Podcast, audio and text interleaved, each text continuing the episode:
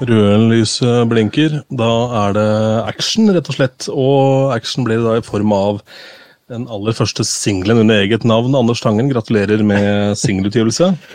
Jo, takk skal du ha. Eh, jeg var veldig i tvil. Eh, du og jeg vi pleier å snakke sammen på podkast. Nå også skal du intervjue meg som en sånn popstjerne så jeg alltid, med bilde. Så jeg er alltid i tvil om hvordan man skal presentere seg. fordi eh, altså, jeg sitter her i blazer og føler meg liksom mer sånn som jeg vanligvis er. Men er det liksom, skal man ha runde solbriller?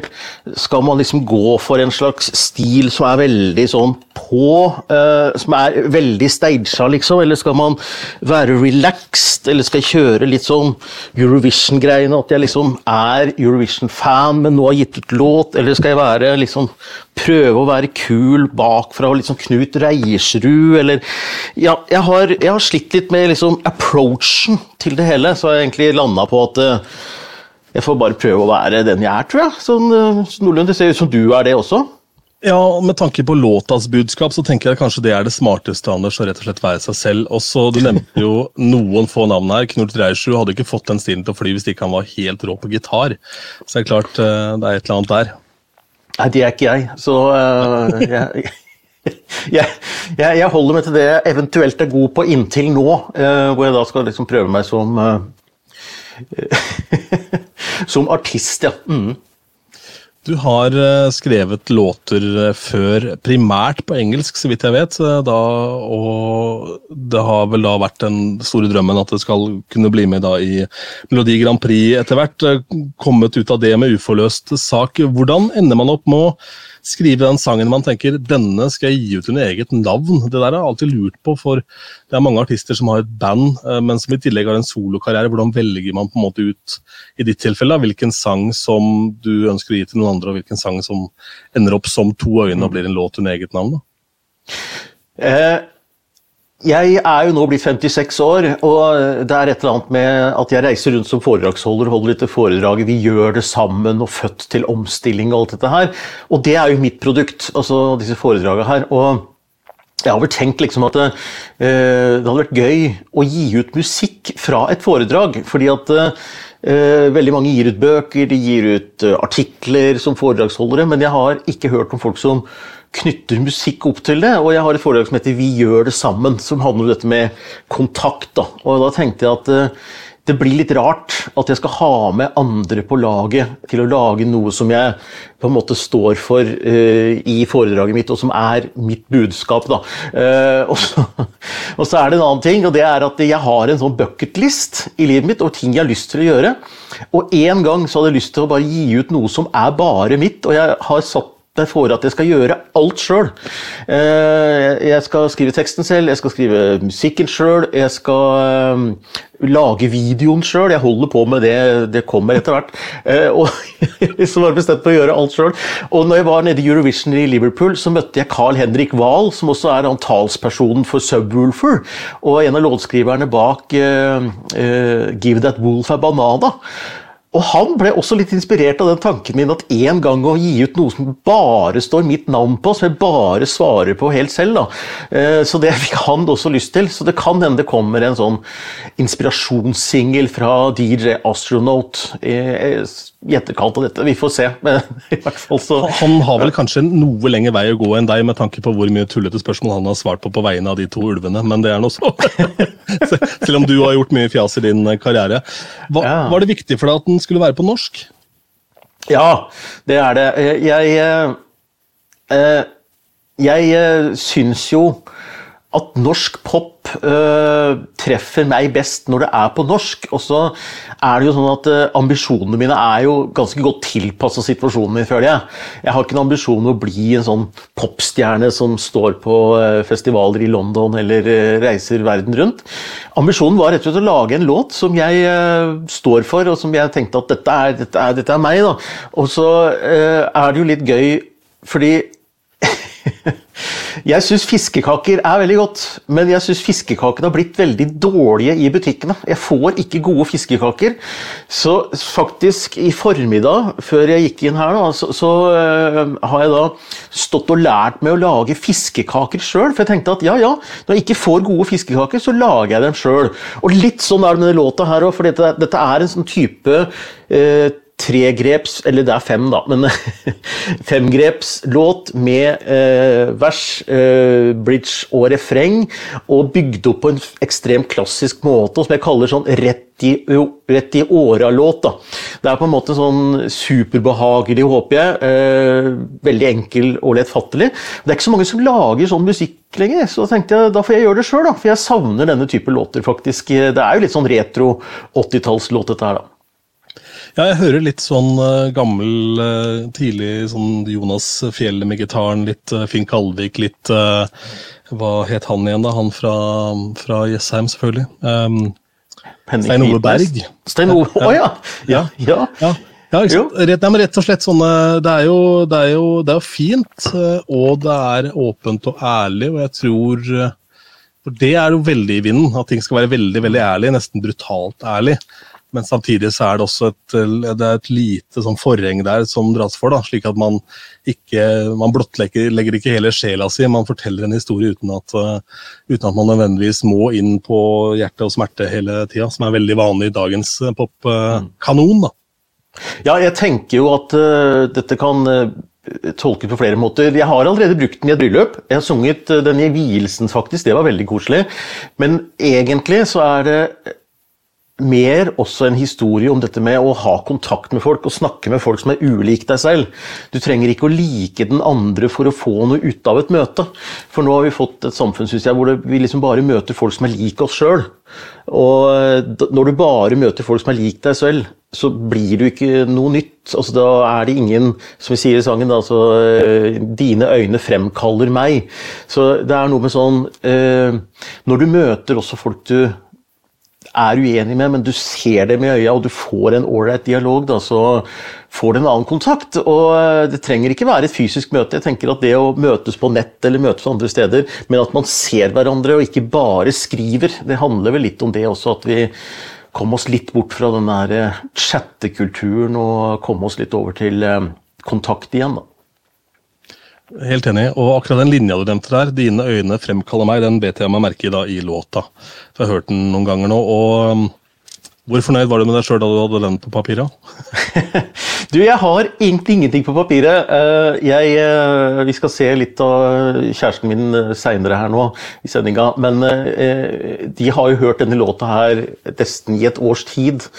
Og jeg sitter egentlig bare ved piano, og så kommer det sånne setninger til meg. Så akkurat den har vært der. Men hele historia den ble til på en restaurant i Oslo som heter Stadholdergården. Eh, mange damer og sånn, de tar seg spa. Altså de går rett og slett på eh, spa og betaler noen tusenlapper. Eh, jeg har en sånn par ganger i året så går jeg på en dyr restaurant, og så sitter jeg der mutters alene med notatboka mi, og så koser jeg meg. Jeg syns mat og vin er gøy. Sant? Og så og der så jeg to menn som satt og prata med hverandre. Veldig intenst. Jeg tror de var kolleger, eh, eller kanskje noen gamle klassekamerater eller noe sånt. Ikke noe sånn eh, veldig tett forhold, men de var så intenst i samtalen, og de hadde så utrolig kontakt. Det både så og hørte jeg. Jeg lytta ikke på samtalen, men eh, det var såpass mange der at det var ikke mulig, det. Men jeg så at det var intenst, og da begynte jeg å skrive den der teksten med to øyne, da.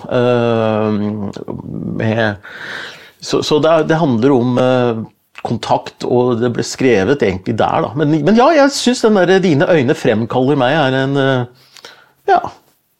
Det er en liten sånn canvas-greie også på uh, Spotify.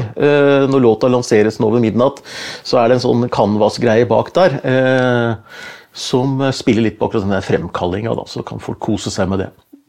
Har det vært flere sanger som har vært aktuelle å gi ut under eget navn i prosessen her, eller har det kommet til veldig sånn uh, naturlig med akkurat denne?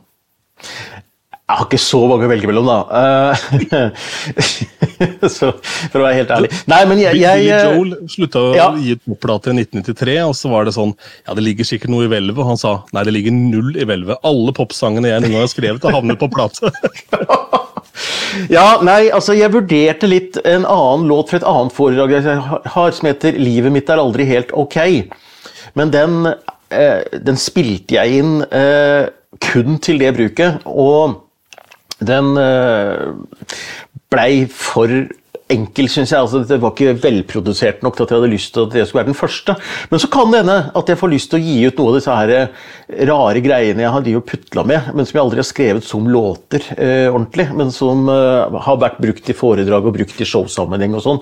Eh, kan hende at jeg gir det ut bare for å ha det dokumentert. Eh, for da er det ikke så farlig, sant? Det, men hvis det er det første du gjør, så er det litt skummelt. Men det er jo gutta i dette her studio, eh, The Norwegian Sound, altså i Mjøndalen, som også har jobba med disse her gutta i Donkeyboy, som har produsert dette her. Eh, og det er ganske gøy. De har jo en litt sånn retro-sound som de jobber med, så de kan dette her. men det morsomme var eh, dette kjenner jo de som har hørt podkasten vår litt til, at jeg jobba mye med gitarlyden. Der var jeg litt hands on. For jeg sa at jeg vil at låta skal bade i piano og gitar, og særlig da gitarlyd. Så jeg var litt sånn nøye, så jeg plukka litt sånn, hva slags gitarlyd jeg leita etter. Og da sendte jeg noen sånne referanselåter fra Brian Ferry og fra Mumford Sons, som har denne her Monster-låta til Mumford Sons. Så gitarlyden er liksom plukka litt derfra. Så det var veldig gøy altså, å jobbe med musikk som jeg liker. Eh, og bruke det som litt sånn lydinspirasjon. Ja, veldig, veldig, spennende approach. Da. Det må være morsomt å kunne gå i studio med dyktige folk som, som også forstår hva du vil. Da. Hvordan endte du opp da oppe i Mjøndalen der, da? det var øh, Jeg har jo jobba litt med eh, gutta oppe på øh, The Woods, altså Carl Henrik og den gjengen der. Uh, men de fikk så veldig mye å gjøre med Subwoolfer at de svarte egentlig aldri på forespørselen min denne gangen. Så da tenkte jeg da å gå et annet sted. Shame on you. Uh, nei, jeg skjønner det. Men det var veldig gøy, fordi at uh, når jeg samarbeider der oppe, så kommer det én type produkt ut av det. Disse har jeg tenkt å gi ut utover høsten, så det kommer det også. Men da kommer det én type sound fra The Woods oppe på Rena som er veldig sånn moderne. Og de tar den låta jeg har, og så hakker de den opp med machete, og så setter de det sammen til noe helt nytt. Nesten ugjenkjennelig. Og det er fryktelig gøy, for da er, kommer det noe ut av det som jeg egentlig ikke hadde tenkt i det hele tatt. Kutt oppå Mjøndalen var veldig sånn lojal mot låta mi, og så arrangerte de den egentlig bare ut og beholdt essensen. Jeg hadde jo sett for meg dette som en pianoballade, men de syntes det var tøft med gitarer, og så begynte jeg å jobbe med gitarlyden, da. Eh, og, eh, og, det var veldig gøy, det, men jeg tror det hadde kommet et helt annet sound ut av møtet med uh, The Woods. Og måten jeg fant dem på, det var veldig enkelt. Jeg kjenner jo ikke noen i musikkmiljøet, og jeg gir fra meg babyen veldig fort. Og tenkte at det, ta dette, se hva dere får ut av det. Og så begynte de gutta de hadde en annonse rett og slett, hvor de, hvor de sa at send en demo, så ser vi på den. Så det var så enkelt som det. Yes. Mm. Det er veldig sånn 1960-tallet, eh, føler jeg, i uh, New Musical Express. Er en annonse vi har startet et studio. Kom innom og ta en kikk. Uh, men det er gøy. Morsomt da også er det jo sikkert ikke alle som har like positiv erfaring med å ramle inn i et studio og få en connection med en gang. Så det er jo ekstremt takknemlig, men det henger nok litt sammen med at du har blitt en voksen mann etter hvert òg. Kanskje litt verre hvis du hadde vært 18 og hadde noen tanker om om eh, ja, Ikke hadde så mye levd liv, da, og ikke den erfaringen mm. som man uh, sitter igjen med. Men uh, du sier at det er flere låter i loopen her. Skal dette kulminere ut i et album, er det tanken? Eller hva, hva er uh, fantasien og, og, den store drømmen? Nei, det er ikke det. Altså, nå har jeg gitt ut denne låta, eh, eller nå ved midnatt, eh, så da tenker jeg da har jeg gjort det. Eh, og så får jeg se. jeg har en sånn omløpshastighet på en låt i året, så det er jo begrensa hvor mange låter det blir. med en gjennomsnittlig levealder. Så, så, så vi, får, vi, vi, får, se. Eh, men jeg begynte jo ordentlig å skrive låter for seks år siden, eh, da jeg fikk piano eh, i bursdagsgave av kjæresten min. Så jeg har alltid ønska meg piano. for Jeg driver litt med gitar, og sånn, men det har jeg liksom ikke fått helt til. piano er litt enklere, syns jeg, ut fra min musikk. da. Og selv om dette egentlig ble en ganske gitarbasert låt, så så det er, det er, gøy. Så kanskje det går litt fortere etter hvert når du har lært meg litt mer piano. da. Selvlært. Ja, det er en mulighet for det. Eh, er tanken at eh, fremtidige sangere òg skal være på norsk, eller er du åpen for uh, flerspråklige ting? Nei, altså, den neste låta jeg skal gi ut, skal ikke synges sjøl engang. Så det, det blir, jeg må finne ut hvordan vi skal gjøre det. Den er spilt inn oppe på The Woods. Den har vært shortlista til MGP to ganger og nesten vært med. Uh, men den er det Elspeth Reder som synger, altså en artist som kaller seg for Ele. Så den gis ut på en litt annen måte, men det er på en måte min låt da, som er uh, produsert opp og jobba med der oppe, med hun uh, med blant annet Elsibey og eh, som heter Timberley Larsen, som en, en, egentlig en hiphop-artist eh, der oppe på Rena som har vært med på den låta. Eh, preg, preges egentlig ikke av det, men den er veldig morsomt. En låt som kommer litt sånn kanskje i september-oktober-draget. Og så har jeg en låt til som er eh, på norsk, som kommer kanskje rundt juletider. Den er litt sånn depressiv, så tenker sånn der, litt sånn slutten av november tenker jeg den kan passe. Uh, litt sånn uh, klovnens litt sånn triste ansikt. Uh, så det kan bli fint. Det er egentlig bare å glede seg da, til mer musikk fra Anders Tangen. Hvordan hvordan er følelsen nå da, når det skal ut i verden? Altså, Én ting er å ha laget låta, en annen ting er å ha lagt den opp på disse tjenestene. Du vet at den dukker opp, men nå blir den tilgjengelig for alle. Nå kommer på en måte ja, Det vil vel ikke stå en hel haug med anmeldelser i Aftenposten, og sånn, for det gjør du ikke lenger. Eh, men eh, du vil nok få feedback fra folk du kjenner, og du vil etter hvert se at eh, plutselig så har 1000 mennesker hørt det. Vi har snakka mye om det med Grand Prix-poden, at det er ekstremt rart at 200 mennesker er gjennom å høre på en episode der eh, midt på sommeren, sånn på en uke. Ja, jeg er veldig rolig på akkurat det. Jeg er veldig rolig, Fordi innspillinga av denne låta er betalt. Det koster jo penger. ikke sant? Jeg har jo brukt penger på dette her. Eh, så det er betalt. Og jeg eh, tenker at det er det høres kanskje litt rart ut, men det er faktisk ikke så viktig for meg hva folk tenker om denne låta, eller om folk hører mye på den eller lite på den. eller noe sånt. Det viktigste for meg var å vise at jeg kunne gjøre det, og at jeg kunne gjøre det alene. Og at jeg lagde en låt som jeg har savna i låtfaunaen som finnes i dag. Da. Så nå har jeg lagd den sjøl, så jeg går i hvert fall og hører på den litt sånn av og til sjøl og koser meg med den. Og jeg har aldri trodd på artister når de sier at uh, hva folk mener, det er ikke så viktig for meg. Det har jeg aldri trodd på, men nå er det sånn. Eh, og så sier også mange artister at dette er som å få en unge. Og hvis det er sant, så er det jo veldig få oppegående foreldre som går rundt og tenker 'jeg lurer på hva folk tenker om ungen min'. Altså, det er ungen din. Du går, og, du går, liksom ikke rundt og venter på anmeldelser av ungen din. Det er ungen din, 100 eh, og dette er ungen min, så da får, det, da får, det, gå som det går. Men det er klart at jeg eh, Det hadde jo vært fryktelig moro om vi bikka liksom 200 avspillinger. Det hadde jo vært fryktelig gøy. Det tror jeg er fullt oppnåelig, Anders. Det bør være mulig å få til. Hva tenker du om eh, framtida? Blir, blir, det mulighet for å se denne låta live på noe tidspunkt? Har du noen tanker om det? Eh, har du eh, Ja? Ja, jeg skal gjøre den i Kristiansand, på en festival som heter Protestfestivalen. På en debatt om arbeidslinja. Der er denne booka inn som musikalsk innslag. Men det er sånn du gjør på protestfestivalen. Jeg har vært der i 20 år uh, som debattleder. Så uh, da skal jeg også være der som musikalsk innslag, og det er fryktelig gøy. Uh, jeg gjorde faktisk en jobb på den samme festivalen i 2019. Da var det en sånn hyllest av Jahn Teigen der nede, og da gjorde jeg en variant av En dags pause med Jahn Teigen, som ligger på YouTube. Og det morsomme med den var at jeg har fått en spillejobb i høst med ett formål, og det er at jeg må gjøre den versjonen uh, ute på Gardermoen på et arrangement der i november, tror jeg det er. Og det er jo fryktelig gøy, da. Så, så, kanskje jeg må gjøre en cover av en dags pause, rett og slett. Jeg vet ikke. Men, uh, men jeg skal i hvert fall gjøre den live der, og så har jeg gjort den live i et bryllup. Men det er klart at jeg syns det er gøy å gjøre live, og jeg holder jo foredragene mine. Og jeg kommer til der det er teknisk mulig å få det til å låte bra, for det er viktig for meg. Eh, så gjør jeg det som en del av foredraget mitt også. Så, eh, for det er jo liksom tatt litt ut av foredraget 'Vi gjør det sammen', som handler om kontakt mellom folk. da. Er du åpen for å samarbeide med folk i form av å skrive ting sammen, kanskje gjøre duetter og sånn. For idet ja. man gir ut noe og folk hører uttrykket ditt, så kan det hende at de tenker shit, dette her hadde vært perfekt å teame opp med f.eks. da eh, en artist jeg kjenner, ikke sant? og så er, ruller ballen litt av sånne type eh, ting. Jeg tror det hadde vært kjempegøy, fordi at jeg, jeg, ser jo litt sånn begrensninger, både i alder og kulhet og hvor du slår an. Altså, som jeg sier, jeg har Før så var det liksom en del filmer som gikk rett på VHS. Eh, jeg tror jeg går rett på P1 pluss. liksom sånn. og, det, og det er helt kult, for alle er så stressa på å nå de unge jeg, jeg, skjønner at jeg ikke gjør det. Altså, det er ikke noen ambisjon for meg heller. Altså, hvis det er noen ungdom som hører på låta, så kjør på.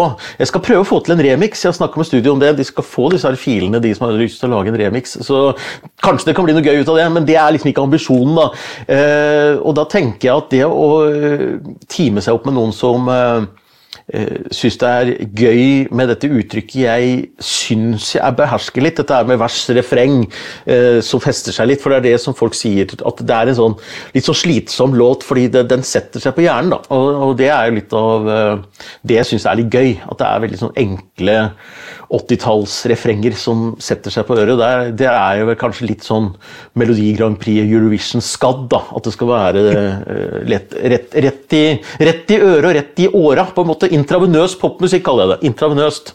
Jeg var jo og hørte um, Gylne tider med Per Gessle i front uh, i går, da vi spiller inn dette. Og um, de hadde vel et samlealbum med Roxette som het Don't Borrow Get to the Chorus, som er et sitat av min storhelt Tom Petty. Så, uh, men det du har klart av det kunststykket, er jo at uh, i all moderne popmusikk så gjentas jo refrenget til det uendelige.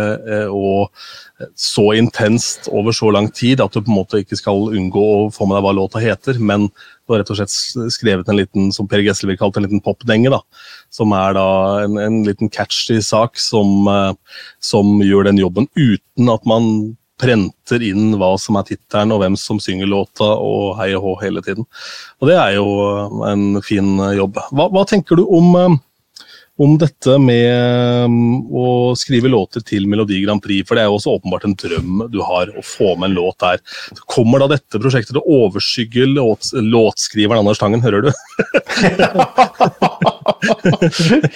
uh, nei, de, uh, det kan hende at jeg fortsetter å sende slitsomme mailer til Stig Karlsen. Uh, nå skal det sies at Stig har også hørt denne låta her, og han har høflig og pent takket nei takk, så det er helt ålreit.